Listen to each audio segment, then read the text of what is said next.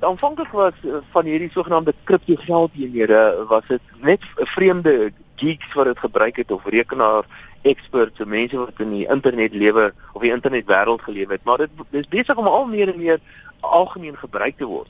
En aanvanklik was regerings baie vyandig teenoor hierdie kriptogeldeenhede. Byvoorbeeld die Japaneese het dit heeltemal verban in Japan en dieselfde in Rusland en onlangs het Japan Bitcoin gewettig as wettige betaalmiddel. So dit is besig om sogenaamd mainstream te raak. Dit word al meer en meer algemeen gebruik.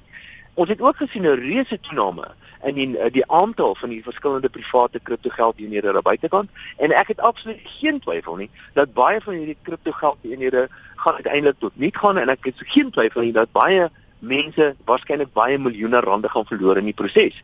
Maar daarmee saam gaan baie van hierdie kriptogeld hier 'n groot en reuse groot suksese wees en uiteindelik vermoed ek dat daar baie meer van hierdie geldeenhede wêreldwyd algemeen aanvaar gaan word.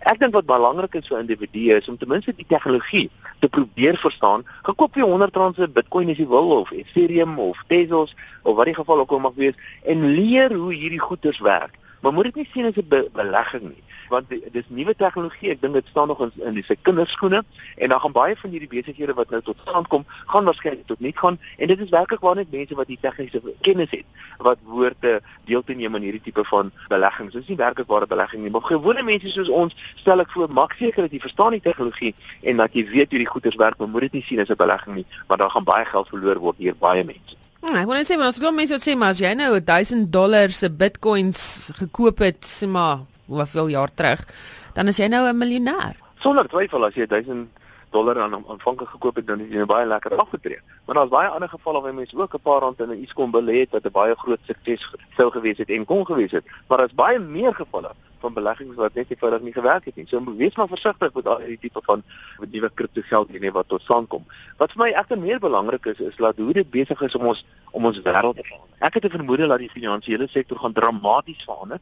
Ek het 'n vermoede dat in die toekoms, ek het geen ek ek is absoluut oortuig van dat in die toekoms gaan die finansiële sektor heeltemal anders ter lyk as wat ons vandag dit ken. Dit is selfs moontlik dat ons in die toekoms seker dat nie meer banke gaan hê soos ons dit ken vandag nie. Dit is selfs moontlik dat ons in die toekoms nie eens meer sentrale banke gaan hê nie. Om die waarheid te sê, die impak van hierdie kriptogeldeenhede gaan reusagtig groot wees op die minister van finansies. So fiskale beleid gaan dramaties verander. Die soorte belastings gaan dramaties verander. Die grootte van die staat gaan geaffekteer word en uiteindelik gaan daar gaan daar baie minder mag in die hande van die politici en die in die in, in birokrate wees as wat daar is vandag. Maar daarmee saam gaan daar ook baie meer gevare uh, wees. Ons as individue gaan meer verantwoordelikheid moet begin aanvaar vir ons dade want dit gaan nou moeilik wees om goed te doen soos byvoorbeeld om geld internasionaal makliker rond te skuif. Dit gaan baie moeiliker wees vir die Reservebank byvoorbeeld om valutabeheer regulasies toe te pas. Want die oomblik as jy Bitcoin koop, dan internasionaliseer jy jou geld byvoorbeeld of baie van die ander geldeenhede. Hier kom baie groot verandering en die belangrikste wat enige iemand kan doen is om seker te maak dat jy soveel as moontlik weet van die nuwe verwagting vir veranderings wat aan die gebeur is.